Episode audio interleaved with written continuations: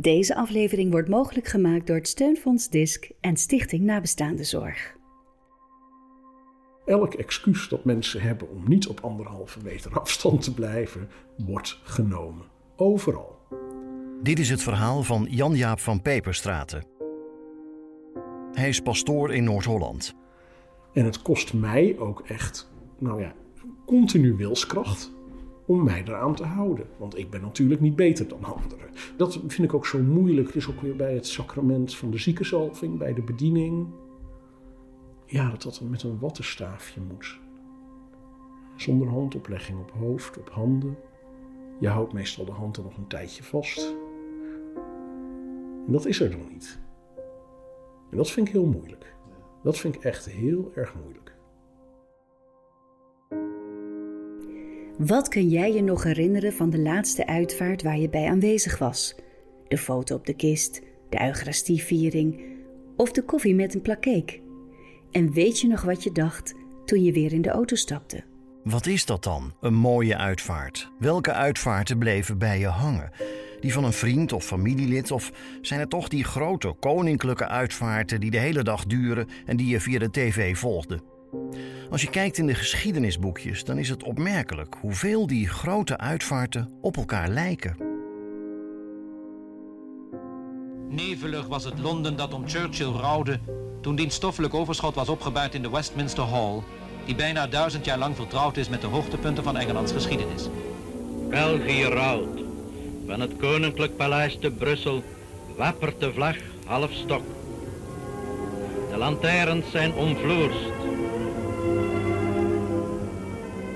Op 82-jarige leeftijd overleed op 4 juni ex-keizer Wilhelm II, die zijn levensavond op Huizen Doorn doorbracht. En misschien wel net zo opmerkelijk is hoeveel afstand de koninklijke bezoekers tot elkaar hielden. Net alsof er toen al een anderhalve meter samenleving was. Voordat corona er ineens was, waren uitvaarten heel anders. Dichterbij. Een hand op je schouder. Nu staan we op anderhalve meter afstand van elkaar. En als je niet uitkijkt, sta je alleen. Net als de koningin van België tientallen jaren geleden. Voor de afgelopen afleveringen van Helemaal aan het einde hebben we veel deskundigen gesproken over rouw en verwerking. Allemaal benadrukten zij belang van een goed afscheid, van rituelen. Al was het maar een kaars die brandt of een lied dat gezongen wordt. In deze aflevering zoomen we in op de rituelen van de rouw, die snel en noodgedwongen zijn veranderd. De vraag is: verandert dat na corona ooit nog terug? Of doet straks het laatste zangkoor het licht uit? Berichten uit het land van het nieuwe normaal. Mijn naam is Pettilo Middelleenheer. En ik ben Richard Grootpot. Je luistert naar de podcastserie Helemaal aan het einde. In een paar afleveringen van het vorig seizoen spraken we al over hoe corona de uitvaart veranderd heeft. Ach, hoe lang zou het nou helemaal duren? dachten veel mensen toen. Dat is nu wel anders. Raken we in deze tijd alleen maar rituelen kwijt of komen er ook andere voor in de plaats? Daarover praten we in deze derde aflevering, die gaat over rouw en rituelen. We doen het in willekeurige volgorde. En in deze aflevering komen onder meer de rituelen van de katholieke kerk aan de orde. In een volgende aflevering kijken we juist naar de andere culturen die de rituelen in Nederland aanvullen.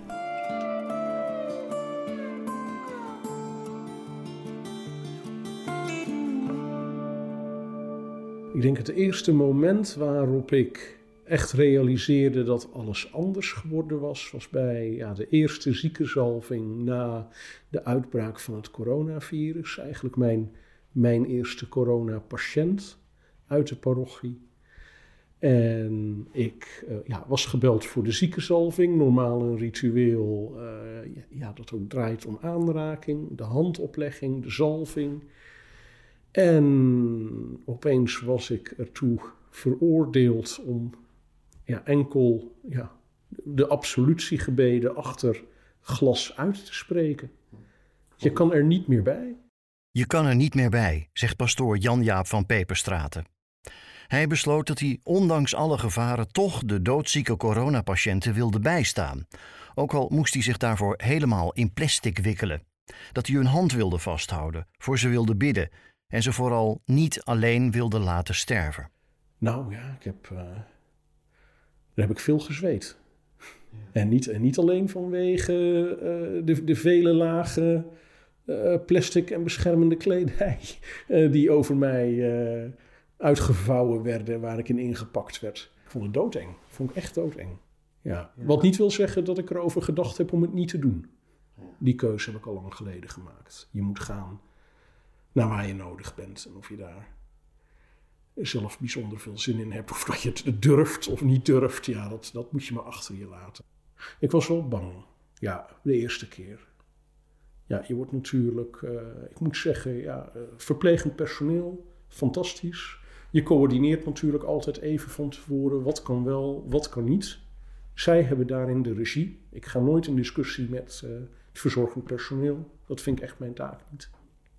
Uh, maar goed, ze bereiden je er goed op voor. Ze nou, helpen je met het aantrekken van alle, alle beschermende middelen. En dat is maar goed ook, want zo handig ben ik niet. Handschoenen, uh, ja, zo'n schort, een masker. Ja, ik vind het verschrikkelijk benauwd. En dan denk ik maar aan alle dappere verplegers en verpleegsters die 6 tot 8 tot 12 uur per dag maskers dragen. Terwijl ik een beetje naar adem zit te happen, denk ik daar dan maar aan en dan, valt het allemaal wel weer mee. Maar ja, normaal is het ook duidelijker hè, hoe je binnenkomt. Normaal kom ik binnen zoals ik nu ben. Dus overhemd met boord. Ik heb er nog een paarse stol om. Ja, mocht er nog enige twijfel zijn over wie ik ben en wat ik kom doen, dat is door mijn uiterlijk redelijk duidelijk. Maar dat is er nog niet. Ik ben het zoveelste uh, marsmannetje, om het, om het zo te zeggen, dat aan, dat aan het bed komt. Dus ik liep naar binnen en dat besefte ik me ook. Ik denk, ja, maar ik ben, ik ben mezelf niet meer. Ik ben niet meer vanzelfsprekend de pastoor die komt bedienen. Dus je moet ook echt stap voor stap zeggen wie je bent en wat je komt doen. Ja, er kwam toch echt nog wel een reactie op. Meneer heeft toch ook nog het, ja, het kruisteken meegemaakt. Ja, meebidden gaat niet meer. Maar dat hoeft ook niet. Toen was het wel echt de hele korte versie. Want ja, echt wat langere gebeden die erbij horen, ja, dat is, daar, daar kom je niet meer doorheen. Dat lukt je niet. Je, je krijgt gewoon te weinig lucht. Dus ja, het was echt, echt bedienen en in en uit en sowieso. Uh, ja, ik ben wel ingepakt, maar ik ben wel in een kamer waarvan ik zeker weet dat het virus daar is. Dus ja, ik wil er ook niet al te bang zijn.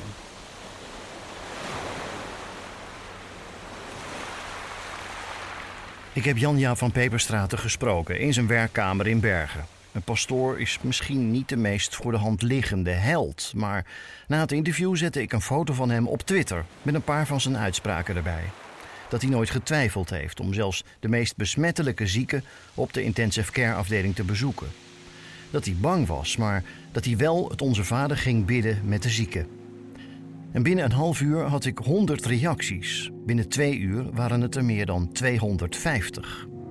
Held, het was met afstand het meest genoemde woord. En één reactie viel me helemaal op. Nout zei: Onze kerk kent nog veel meer priesters die bij nacht en ontij de zieken bezoeken. En daarom willen we deze aflevering van helemaal aan het einde opdragen aan al die mensen die, ondanks het gevaar van besmetting, er toch voor kiezen om zieken bij te staan al was het maar voor het laatste ritueel. Een onderzoek van voor de coronatijd maakte al duidelijk dat rituelen in Nederland snel veranderen. In die tijd, voor het nieuwe normaal, zagen we het al gebeuren. De priester met wierook en wijwater heeft plaatsgemaakt voor een PowerPoint met grappige foto's. Geen requiemis, geen Eucharistieviering, maar drie liedjes uit de afspeellijst die de overledene mooi vond. Goed, als dat de nieuwe rituelen zijn, welke liedjes willen we dan horen? Ooit stond Mieke Telkamp bovenaan de uitvaart top 10. Weet u het nog? Met waarheen, waarvoor? Maar welk lied begeleidt nu de laatste tocht? In deze aflevering telkens de mening van een willekeurige Nederlander over muziek die past bij de dood. Countrymuziek vind ik mooi. Ik hou erg van één bepaald lied van Dolly Parton, wat ik ooit hoorde en dat heb ik, daar heb ik vervolgens eindeloos vaak gedraaid. Back through the years Het lied uh, Coat of Many Colors. Dus dat lied zou ik graag uh, ten gehore willen brengen. I recall a box of rags that someone gave us. Omdat dat lied zo ontzettend duidelijk gaat over, uh, ja, eigenlijk over solidariteit. De solidariteit van een moeder met haar kind die voor haar kind het beste wil. Ondanks de armoede dat dan toch weet te bewerkstelligen. Vervolgens uh, maakt zij dan een, een, een, jurk ja, van, de, van de laatste lapjes.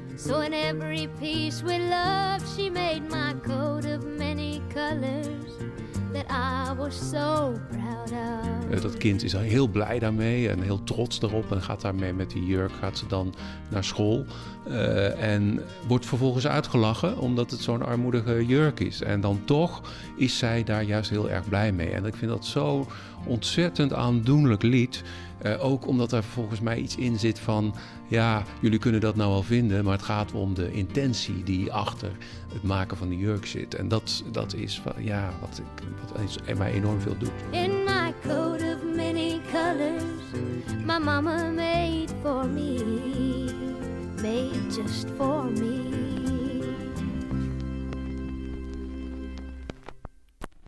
Straks hebben we nog veel meer meningen over de muziek die je helemaal aan het einde draait. De komende tijd is dat in elk geval geen kerkkoor.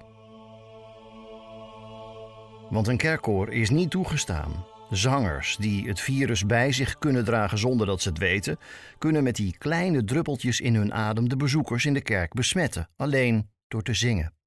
Op veel plaatsen wordt er daarom ook niet geoefend.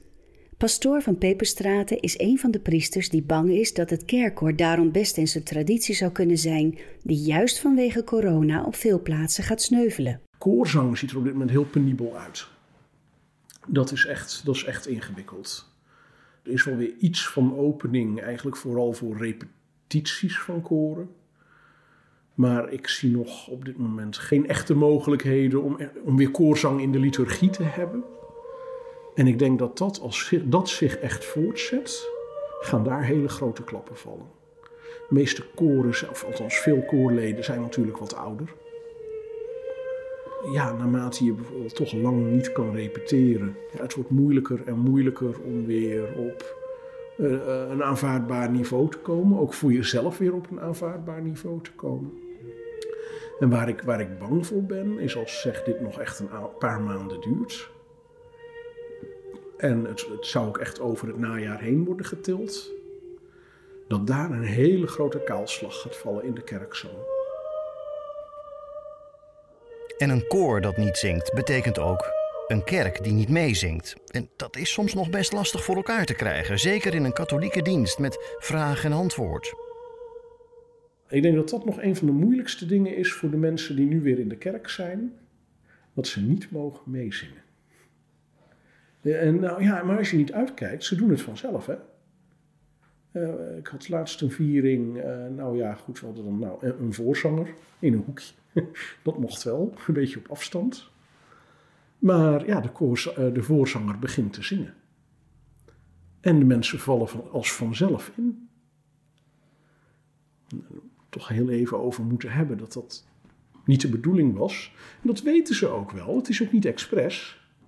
Maar het is gewoon zuiver automatisme. Misschien is er toch een oplossing. In Barneveld kozen hervormde kerken voor om buiten in het weiland een kerkdienst te houden.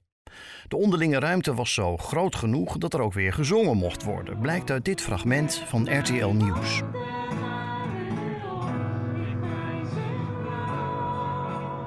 Ja, heerlijk. Lekker weer en toch lekker buiten en samen zijn. Ja, gezellig. Leuk. Een keer een andere manier van uh, samenkomen.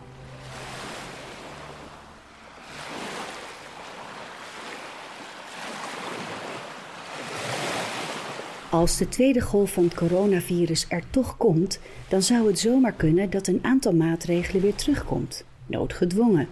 En we raken er ook noodgedwongen aan gewend, uitvaarten op anderhalve meter, met maar een beperkte groep die erbij mag zijn.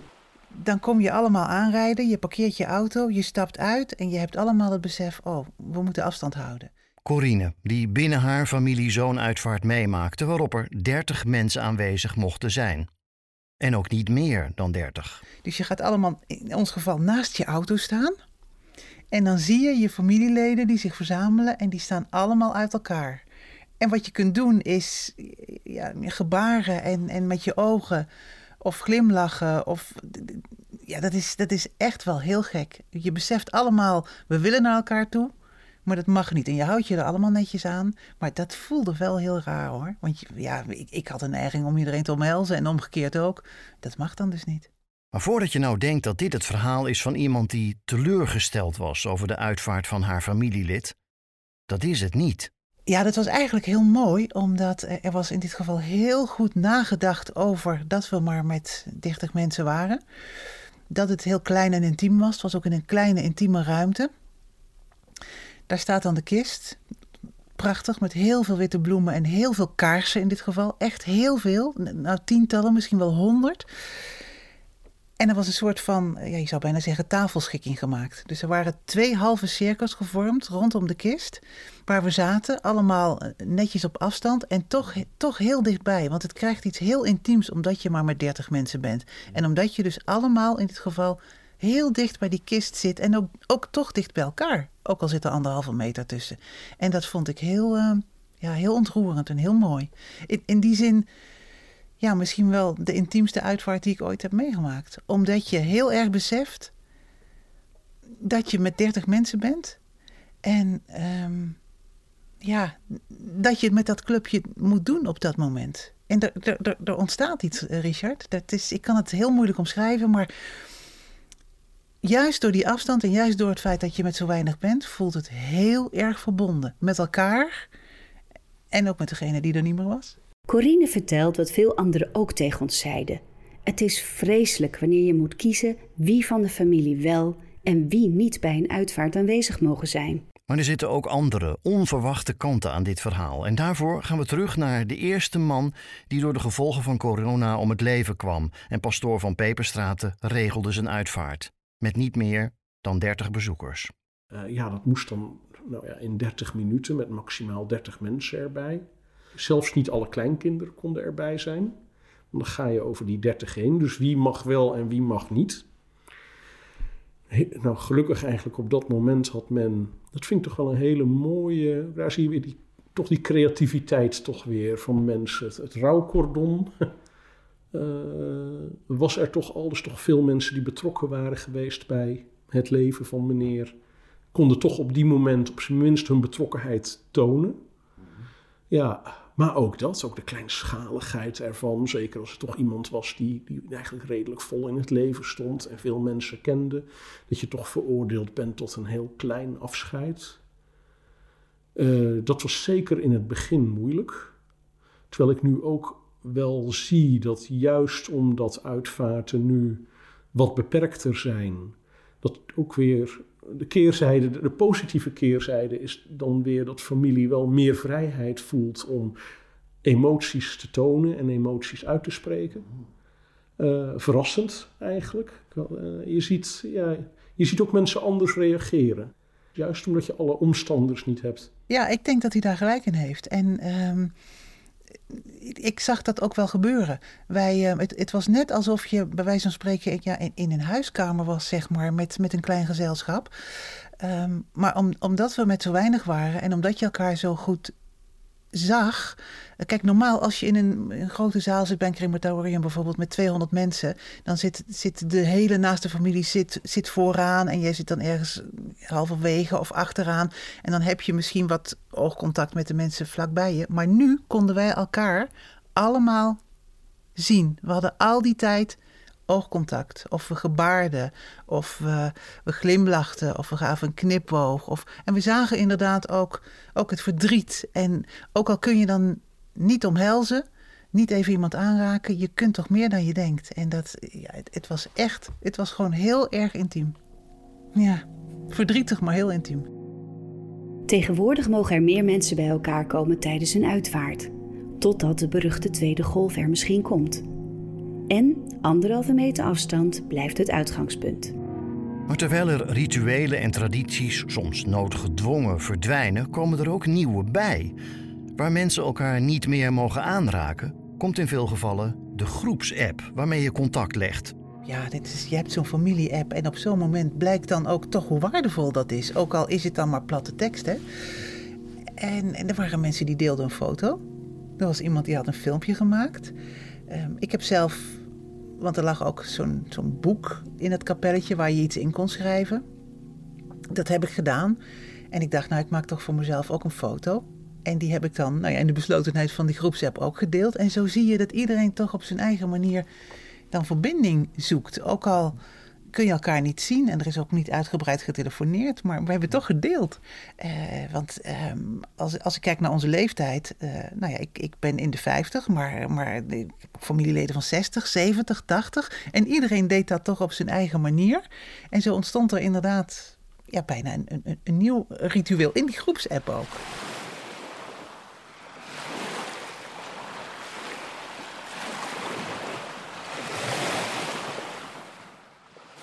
Jan-Jaap van Peperstraten is als pastoor op sociale media bekend als de Twitter-pastoor. Hij heeft een grote groep volgers en laat zich niet alleen uit over kerkelijke zaken, maar heeft ook regelmatig een mening over de wereld om hem heen.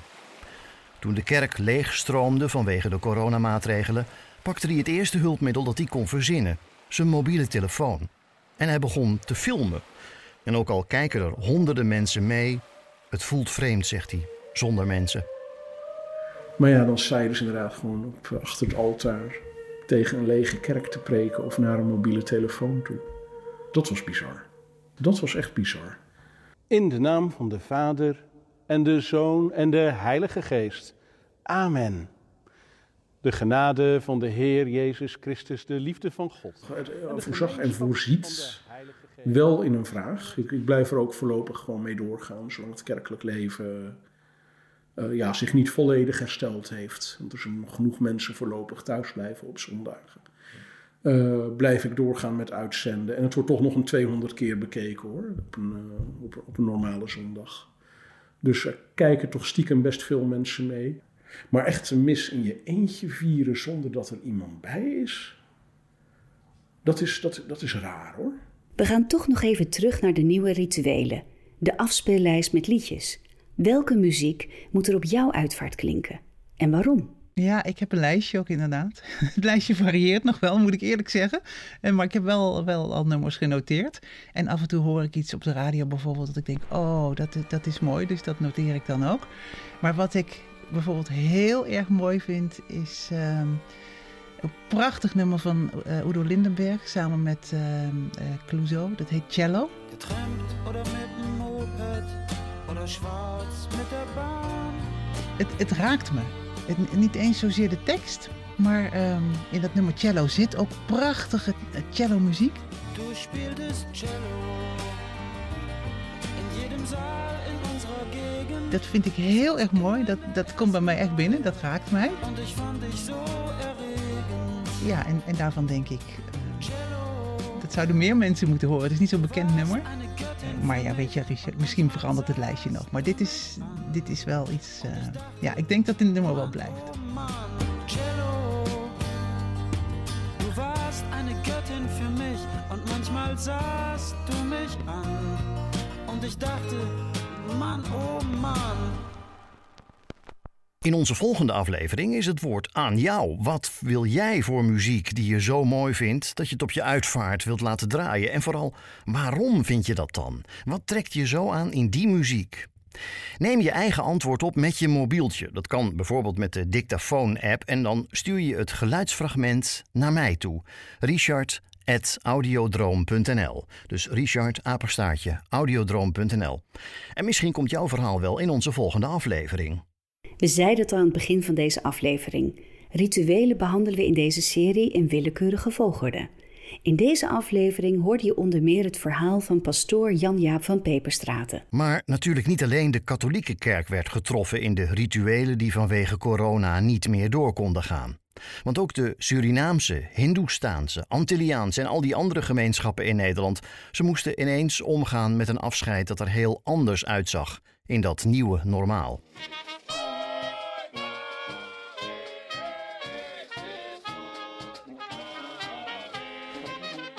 De mannen van Weekend Do, de bazuinzangers die vanuit Suriname naar Nederland zijn overgewaaid, dansen en zingen met de kist van de overledene op de schouders.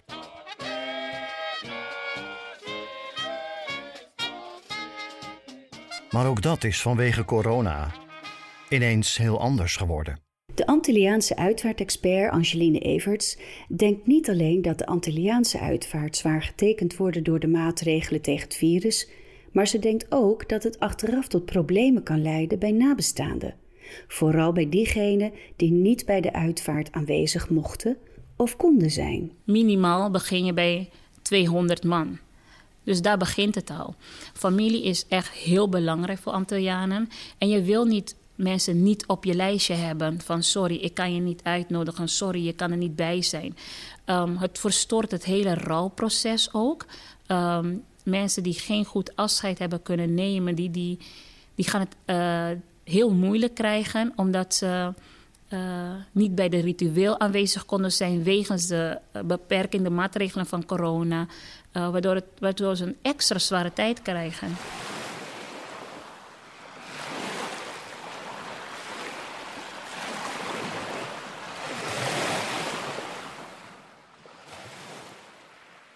We kregen de afgelopen tijd veel reacties op deze nieuwe serie podcasts.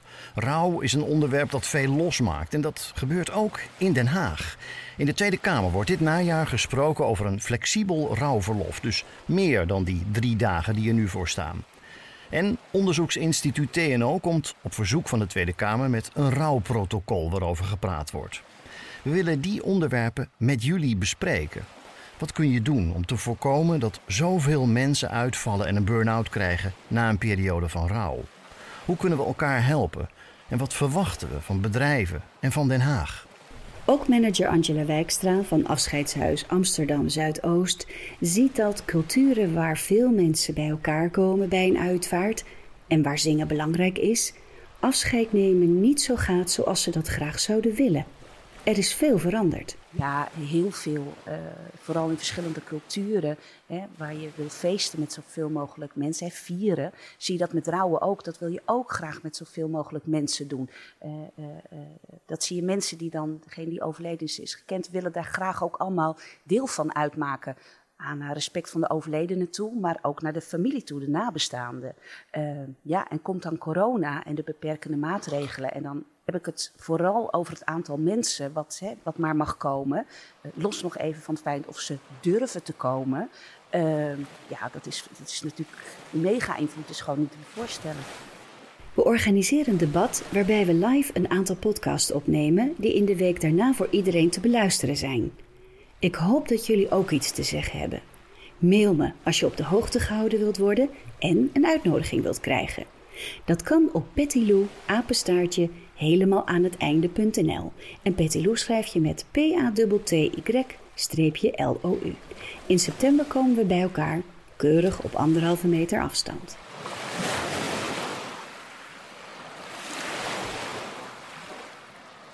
Nog even terug naar het verhaal van Corine. Want na die uitvaart, waar niet meer dan 30 mensen aanwezig mochten zijn, heeft ze een opmerkelijke stap genomen.